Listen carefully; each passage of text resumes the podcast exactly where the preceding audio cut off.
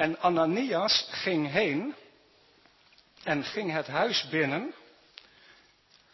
En na hem de handen opgelegd te hebben, zei hij, Saul, broeder, de Heere heeft mij gestuurd.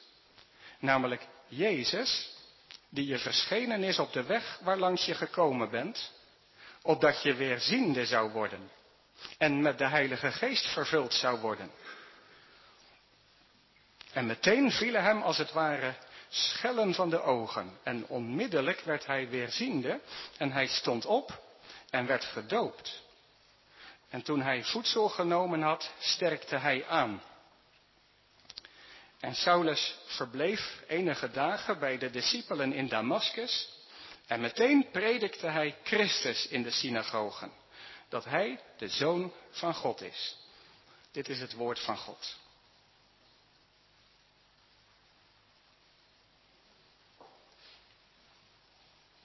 Over de preek heb ik geschreven een wonderlijk welkom. Vrienden, jongens en meisjes, broeders en zusters. Zo net hebben we een stukje gehoord uit een boek geschreven door een arts, dokter Lucas. Het is het tweede boek dat hij geschreven heeft. En even om erin te komen, waar gaat dit boek over? Dit boek gaat erover dat de Heer Jezus niet alleen, zegt 2000 jaar geleden, hier op aarde rondgewandeld heeft en dingen gezegd heeft en gedaan heeft. Maar dat de Heer Jezus, nadat hij aan het kruis gestorven is, nadat hij begraven was en nadat hij is opgestaan uit de doden en nadat hij de plek heeft ingenomen op de troon in de hemel, dat de Heer Jezus vanaf daar nog steeds degene is die spreekt en handelt die werkt en leeft. Dat wil dokter Lucas ons in zijn tweede boek vertellen. En als de Heer Jezus dan handelt en spreekt in onze werkelijkheid, waar is Hij dan mee bezig? Wat doet Hij dan nu op dit moment? Waar is Hij op gericht? Nou, de Heer Jezus is door God aangesteld als de koning en als de heer van het universum. En in dit universum, op deze aarde, is veel zonde, is veel ellende, ziekte, verdriet, pijn en kwaad. Op deze aarde die Gods aarde is. En heel de Bijbel spreekt daarover dat het zo niet zal blijven. Er komt een nieuwe hemel, er komt een nieuwe aarde waarop gerechtigheid woont. En daarvan zal Jezus, die we in de geschiedenis hebben kunnen zien en waarover wij kunnen lezen in de Bijbel, Jezus zal de koning zijn. Jezus, de zoon van God. De Heere zelf zal koning zijn en hemel en aarde zullen bij elkaar zijn. Maar de belangrijke vraag voor ons allemaal is of wij dat koninkrijk zullen kunnen binnengaan. Met onze gewone ogen hebben wij de Heer Jezus geen van allen ooit gezien. Maar er is hier niemand in deze kerkzaal die kan zeggen, nou, en zo zal het altijd blijven. Wij allemaal zullen de Heer op een dag zien. Hij zal de rechter zijn. En het is goed dat er rechters zijn die recht spreken. En hij zal beslissen wie er die nieuwe aarde, die nieuwe hemel mag binnengaan. Vanmorgen hebben wij een stukje gehoord over Saulus. En als je aan Saulus gevraagd zou hebben, denk jij deel te krijgen aan die opstanding en aan dat koninkrijk, dan zou Saulus gezegd hebben, ik denk het wel. Waarom? Hij was toch een gelovige man, hij bad, hij deed er zijn best voor, zelfs nog meer dan anderen. Hij dacht ervoor klaar te zijn, maar hij was er niet klaar voor. En wat doet de Heer Jezus met deze Saul, met deze Saulus? De Heer Jezus vanuit de hemel, nog voordat die dag komt aan het einde, de Heer Jezus zet Saulus stil. En dat is een heftige crisis in Saulus leven geweest en tegelijkertijd is het een enorme zegen in Saulus leven geweest. Want doordat de Heer hem toen stilgezet heeft en heeft laten zien dat hij er niet klaar voor was, zou de Heer ervoor zorgen dat hij er straks wel klaar voor was. Wat doet de Heer Jezus? De Heer Jezus zorgt dat het evangelie de wereld ingaat. En het evangelie zegt ons, niemand zoals hij geboren is, ook niet als hij zijn best ervoor doet, ook niet als hij zegt ik ben een heel gelovig jongetje of meisje, is klaar voor het koninkrijk van God. Wij moeten weten wie wij zelf zijn. En als God bij wijze van spreken bij ons de motorkap openlegt, dan zit er onder de motorkap dat probleem waardoor God ons niet in zijn koninkrijk kan binnenlaten. De zonde. En dat zit in ons allemaal. Zelfs in de kleine Annelin.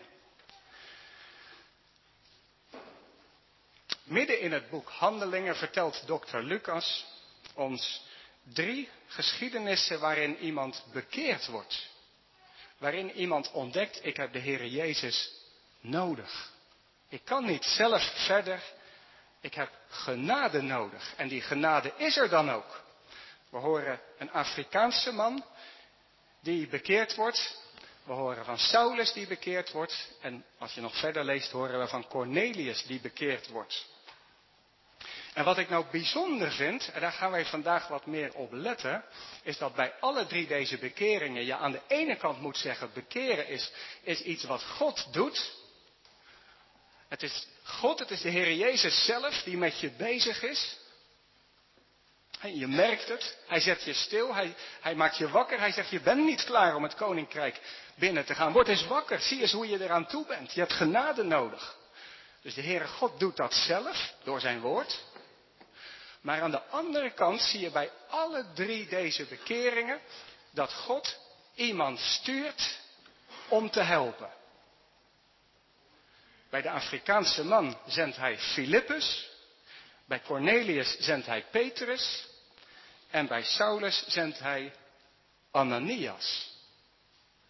Kennelijk is het niet Gods bedoeling dat wij tot het geloof in de Heer Jezus komen alleen maar als een lijntje tussen Hem en ons. Maar kennelijk is het de bedoeling dat de christelijke gemeente, dat de christen, de broeder, de zuster daarbij wordt ingeschakeld.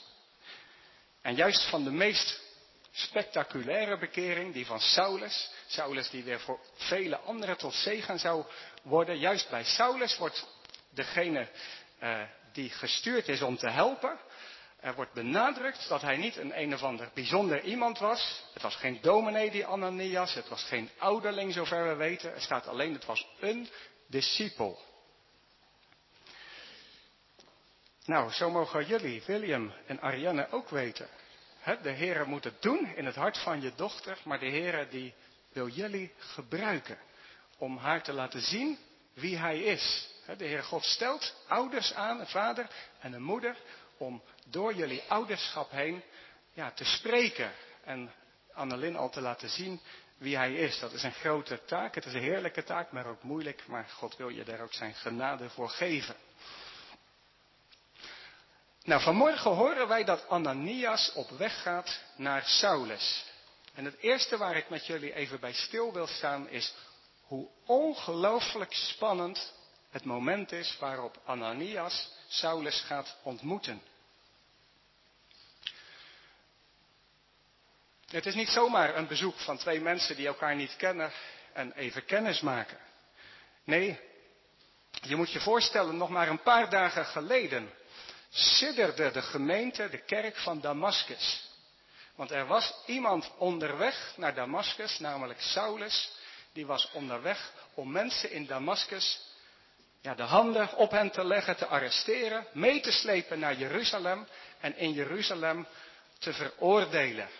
En waar dat toe kon leiden, dat hebben we bij Stefanus gezien. Saulus is de leider, de aanvoerder van mensen die, uh, die christenen vervolgen.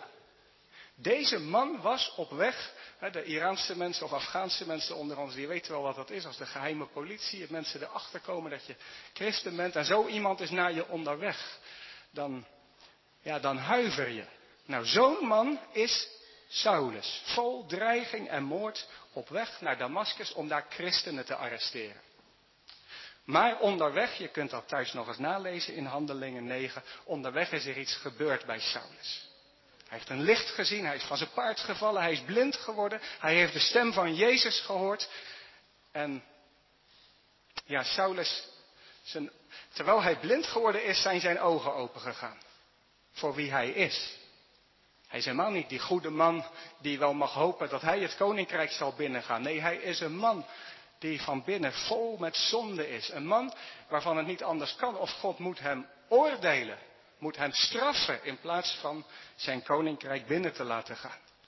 Dat is met Saulus gebeurd. En blind is hij naar Damascus gestrompeld aan de hand van zijn kameraden en gebracht naar het huis van Judas, misschien een soort herberg of een hospitaal, en daar verblijft Saulus nu. En nou heeft de Heer Jezus tegen Ananias gezegd. Je ziet de Heer Jezus in de hemel, hij zit niet stil, hij zegt niet mijn werk zit erop. De Heer Jezus heeft eerst Saulus stilgezet en nou heeft de Heer Jezus tegen Ananias gezegd, jij moet naar Saulus toe. Nou, verplaats je eventjes in Ananias. Dat je dat van God te horen krijgt, van Jezus. Ga naar Saulus. Ik denk wel dat je toch met lood in je schoenen zou gaan. Als die twee bij elkaar komen, wat een, wat een ongelooflijk gespannen moment moet dat zijn. Als die twee bij elkaar zijn. En wat apart is het dat waar Saulus de man was die een oordeel had. Saulus de man was die wel zou gaan arresteren. En, en waar Ananias degene was die vervolgd was, die het slachtoffer zou zijn. Als zij elkaar ontmoeten, je, je, ziet het voor je, dan is het helemaal omgedraaid. Saulus is de man die, ja, die, die smeekt om genade, die ziet wie hij is. En Ananias komt daar, ja, je zou kunnen zeggen, als een vertegenwoordiger van God en van de Heer Jezus. Een spannend moment. En laten we nu naar het tweede punt gaan. Want wat blijkt in dat moment? In dat moment ontvangt Saulus een wonderlijk welkom. Stel me zo voor, Ananias is bij dat huis van Judas gekomen. Judas zegt, kom, ik loop even met je mee naar de kamer waar Saulus is. Nu gaan ze elkaar tegenkomen, de twee tegenpolen. Hier, deze kamer is het. Judas die doet zachtjes de deur open. Hoe zal Ananias Saulus daar hebben aangetroffen? Nou, ik stel me zomaar voor dat Saulus daar op zijn knieën ligt voor zijn bed. En ja, waar haal ik dat vandaan? Nou, toen de Heer Jezus Ananias riep, toen zei de Heer Jezus, je moet naar Saulus gaan, want zie, hij bidt. En de, de woorden in de grondtekst, zie, hij bidt, die geven aan niet van hij is even één moment aan het bidden, maar zie, hij is voortdurend aan het bidden. Dus daarom stel ik het mij zo voor, de deur gaat open, Ananias komt binnen en daar ligt Saulus geknield voor zijn bed. O God, wees mij zondaar genadig. Wat zal er door Ananias heen gegaan zijn? Want deze man die hier geknield ligt, is de man die de leiding had in de steniging van Stefanus. Stel je dat even voor. Deze man is de man die zoveel kwaad heeft gedaan voor zoveel mensen. Nu ga je hem zien, de man die zoveel op zijn kerfstok heeft. Een man van wie je zegt, hoe kun je zo zijn? Die twee gaan elkaar tegenkomen. Maar de Heer Jezus heeft tegen Ananias gezegd wat hij moet doen met Saulus. Hij moet hem niet streng en bitter toespreken. Hij moet niet vragen, heb je nou genoeg berouw, genoeg spijt? Of nou zie je wat er van komt? Of... Nee, hij moet hem gaan zeggen dat hij uitverkoren is. Een uitverkorene van God. Deze man, een uitverkorene. Uitverkoren om genade te krijgen en het koninkrijk binnen te gaan, maar nog veel meer. Niet alleen uitverkoren om ook gered te mogen worden. Nee, uitverkoren om iemand te zijn door wie velen het evangelie van Jezus zullen gaan horen. Deze Saulus zal in het koninkrijk van God bij wijze van spreken een grotere persoon zijn dan Ananias. Nou, wat zal er door Ananias heen gegaan zijn op dat moment? Dat weten we niet, dat doet er ook niet zoveel toe, maar dokter Lucas vertelt gewoon heel exact wat er gebeurt. Ananias doet iets en hij zegt iets. Hij begint met wat hij doet. Er staat, Ananias ging heen en ging het huis binnen. En na hem de handen opgelegd te hebben, zei hij. Dus voordat hij begint te praten, doet hij eerst iets anders. Hij gaat naar die Saulus toe en hij legt hem de handen op. Zou Saulus gehoord hebben dat er iemand binnenkwam? En als hij dat hoorde, wie is dat dan? Iemand die zijn hand zomaar ineens op je legt, terwijl je het niet ziet aankomen, daar schrik je van. Saulus zelf heeft dat vele keren gedaan. De handen aan iemand geslagen, zo noemt Lucas dat letterlijk. De handen aan iemand geslagen. Dat betekent ook, nu ben je erbij. Nu ben je van mij. Aan het begin van de dienst zongen we uit Psalm 139. U legt uw hand op mij. En in dat uw hand op mij leggen, daar zit ook iets van arresteren. Iets waarvan je schrikt. Nu ben je erbij. Maar tegelijkertijd als Saulus die hand van Ananias voelt, dan voelt hij wel, het is een arrestatie, het is wel, er wordt beslag op mijn leven gelegd. Maar hij merkt dat dit geen handen zijn die gaan slaan. Dit zijn geen handen die gaan oordelen. Deze handen spreken van de handen van God. Je kent die psalm misschien wel. Milde handen, vriendelijke ogen zijn bij u van eeuwigheid. Het zijn milde handen. Het zijn handen die spreken van de doorboorde handen van de Heer Jezus. Deze man die het tegenover God zo verprutst en verknald heeft. Hij krijgt een hand op zich en hij mag horen dat er genade voor hem is. Dat er voor hem een nieuw begin is. Dat hij uitverkoren is om tot een grote zegen te worden. Handen. Ja, daarbij is het misschien goed voor onszelf om daar ook even bewust bij stil te staan. We hebben allemaal onze eigen weg met God te gaan. En tegelijkertijd is het Gods wil niet dat we het allemaal in ons eentje uitknokken. We hebben broeders en zusters nodig.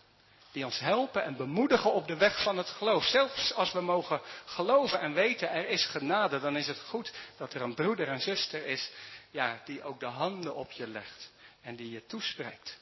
Ook jullie mogen in je opvoeding, behalve dat je je stem gebruikt om voor Annelin tot zegen te zijn, ja, ook de aanraking gebruiken. De hand op het bolletje van Annelin, de strelende liefkozing van je kind. En ook in de gemeente, aanraking. Ja, aan de ene kant is aanraking iets waar we voorzichtig mee moeten zijn. Misschien wel voorzichtiger dan dat wij in onze tijd gewend zijn. Je moet elkaar niet altijd, maar overal uh, ongevraagd, denk ik, aanraken. Je moet je bewust zijn dat je iemands grens kan overgaan. We moeten ja, een soort besef hebben. Een aanraking is ook iets, ja, iets, iets heiligs, iets zuivers.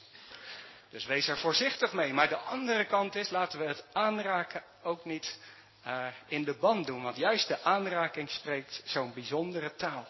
De hand op het hoofd bij de doop, die ene hand op de schouder. Broeder, wat kan die ene hand een rijke evangelietaal spreken. Ananias, hij mag Saulus een wonderlijk welkom geven. Allereerst door de hand op hem te leggen en daarna door hem te noemen bij zijn naam. Saul. Hij noemt hem niet bij zijn Romeinse naam, Paulus. Hij noemt hem niet bij de naam die in het dagelijks leven voor hem gebruikt wordt, Saulus. Nee, hij noemt hem bij de naam waarmee hij genoemd is door zijn vader op de achtste dag toen hij besneden werd. Door de, met de naam waarmee zijn moeder toen hij klein was hem gekoesterd heeft. Shaul. Hij wordt genoemd bij zijn naam. Ja, en ook in de doop hebben we niet voor niks heel bewust de naam Annelin Eva uitgesproken. Hij legt je hand op je, hij zegt je bent van mij. Saul en dan komt misschien wel het belangrijkste woord van onze tekst. Zou broeder. Het is belangrijk voor ons om dat even helemaal tot je door te laten dringen. Zou broeder. Deze man die zoveel op zijn kerststok had, deze man die zo tekeer ging tegen God, tegen Jezus, die er zijn oordeel over klaar had. Deze man heeft geroepen om genade en de Heer Jezus heeft gezegd, Ananias, hij is van mij. ga naar hem toe.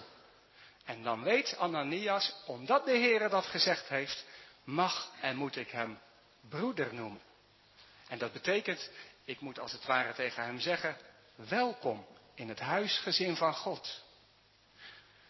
Wat Saulus hier ontvangt is niet alleen dat hij geen oordeel en geen straf krijgt. Hij ontvangt veel meer. Hij ontvangt vergeving. Hij ontvangt nieuw leven. Hij wordt geboren als een kind in het huisgezin van God. Hij zal God Abba, vader mogen gaan noemen door de Heilige Geest. En hij zal de discipelen, waar hij eerst zo fel tegen gekant was, die zal hij mogen zien als door God gegeven broers en zussen. Zou, broer, zegt Ananias. Voor ons ook goed, om elkaar af en toe, juist op de moeilijke momenten, ook zo aan te spreken en te bemoedigen. Broer, zus, om dat ook bij je kind te doen, haar te herinneren aan wie ze mag zijn door Gods genade. Nou, het is een wonderlijk welkom waarmee Ananias Saulus mag welkom, heten in het huisgezin eh, van God. Hij mag tegen hem zeggen dat hij weer ziende gaat worden en dat hij met de Heilige Geest vervuld mag worden. Nou, we hebben gezien dat het een spannende ontmoeting was. We hebben gezien dat het een wonderlijk welkom was. Laten we als derde nog eens kijken naar wat dit wonderlijke welkom uitwerkt in zijn leven. Nou, dat begint eigenlijk gelijk. En ik denk dat geldt ook voor u, voor jou. Als je merkt, die genade is er ook voor mij. En laten we dat ook naar elkaar uitspreken. Als je dat merkt, dan krijgt dat ook zijn uitwerking in je leven. Dat mag je ook geloven en vertrouwen voor je kind als je daarom bidt. En als je haar daarmee voedt, dan mag je verwachten dat het woord zoals een zaad opkomt en vrucht draagt. En dat werkt iets uit. Kijk maar, bij Saulus krijgt het gelijk zijn uitwerking. Het eerste is dat hij ziende wordt. Wat moet dat een heerlijk moment voor hem geweest zijn. Hij was blind geworden. En blind worden in die tijd, dat betekende, hebben we eerder gezien, veroordeeld zijn tot de bedelstaf. Als je blind bent, betekent het voortaan kun je je hand ophouden. Je tentenmakerij, die kun je, die kun je opgeven. Maar nu, hij mag weer zien. Dat betekent, hij kan verder met zijn leven. En tegelijkertijd, het is niet alleen zien met deze ogen. Want in dat welkom ziet hij veel meer.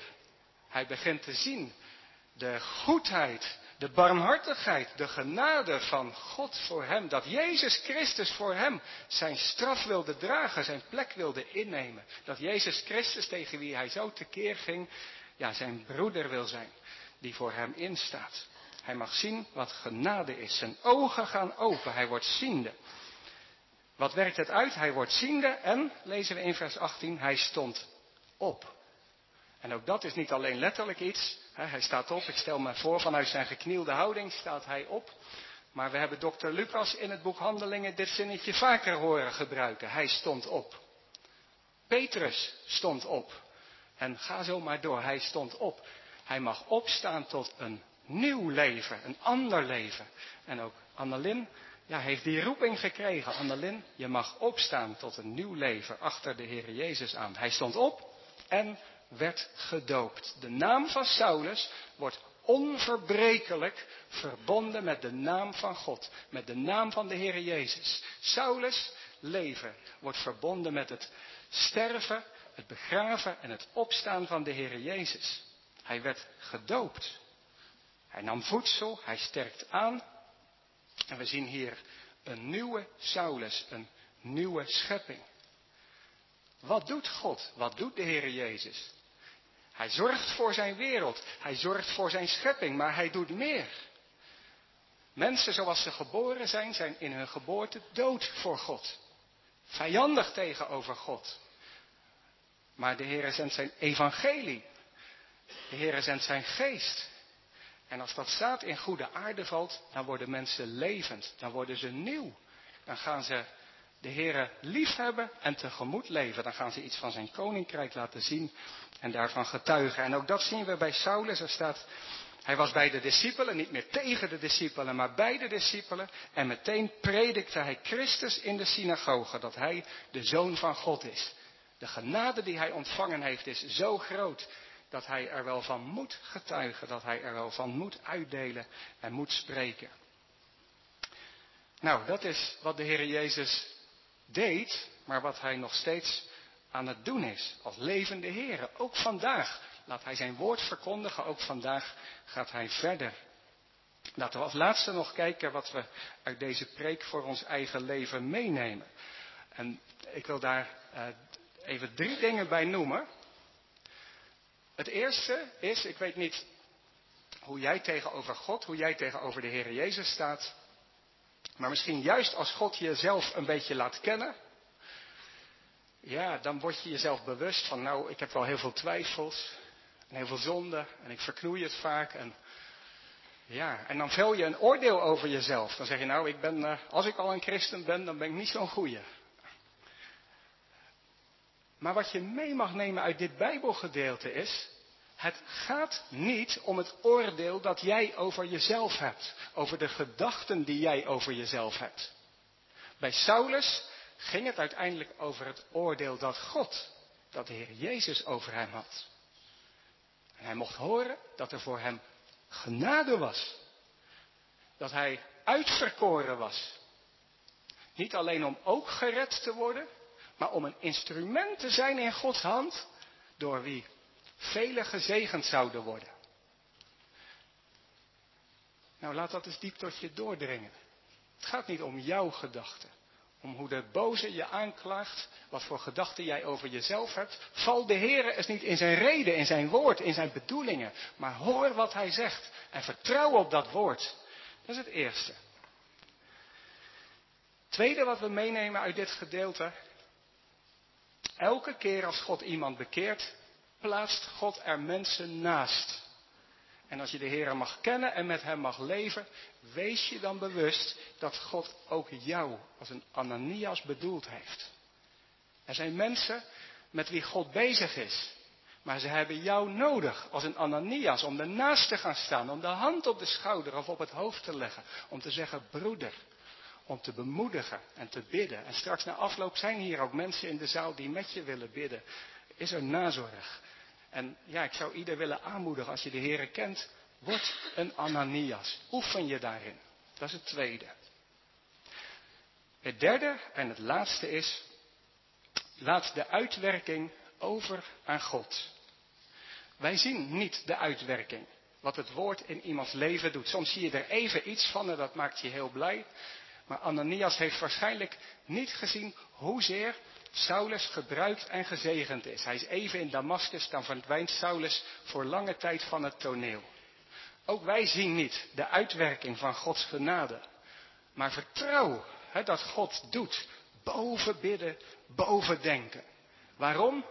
Omdat het ja, Gods eer en Gods werk is om wat zijn zoon gedaan heeft, Jezus Christus, komen voor deze vijandige wereld, zijn leven afleggen en opstaan uit de dood. Het is Gods eer om dat werk vrucht te laten dragen. Veel vrucht. Laat de uitwerking over aan God, maar verblijd je daarover, want de vrucht die gaat verder. Nou, zo mogen we horen vanmorgen van een God die leeft, van een Heer die leeft en die genade bewijst. Die zijn hand legde op Saulus en zo bid ik dat je mag ervaren en merken vandaag zijn hand legt ook op u en op jou. Amen.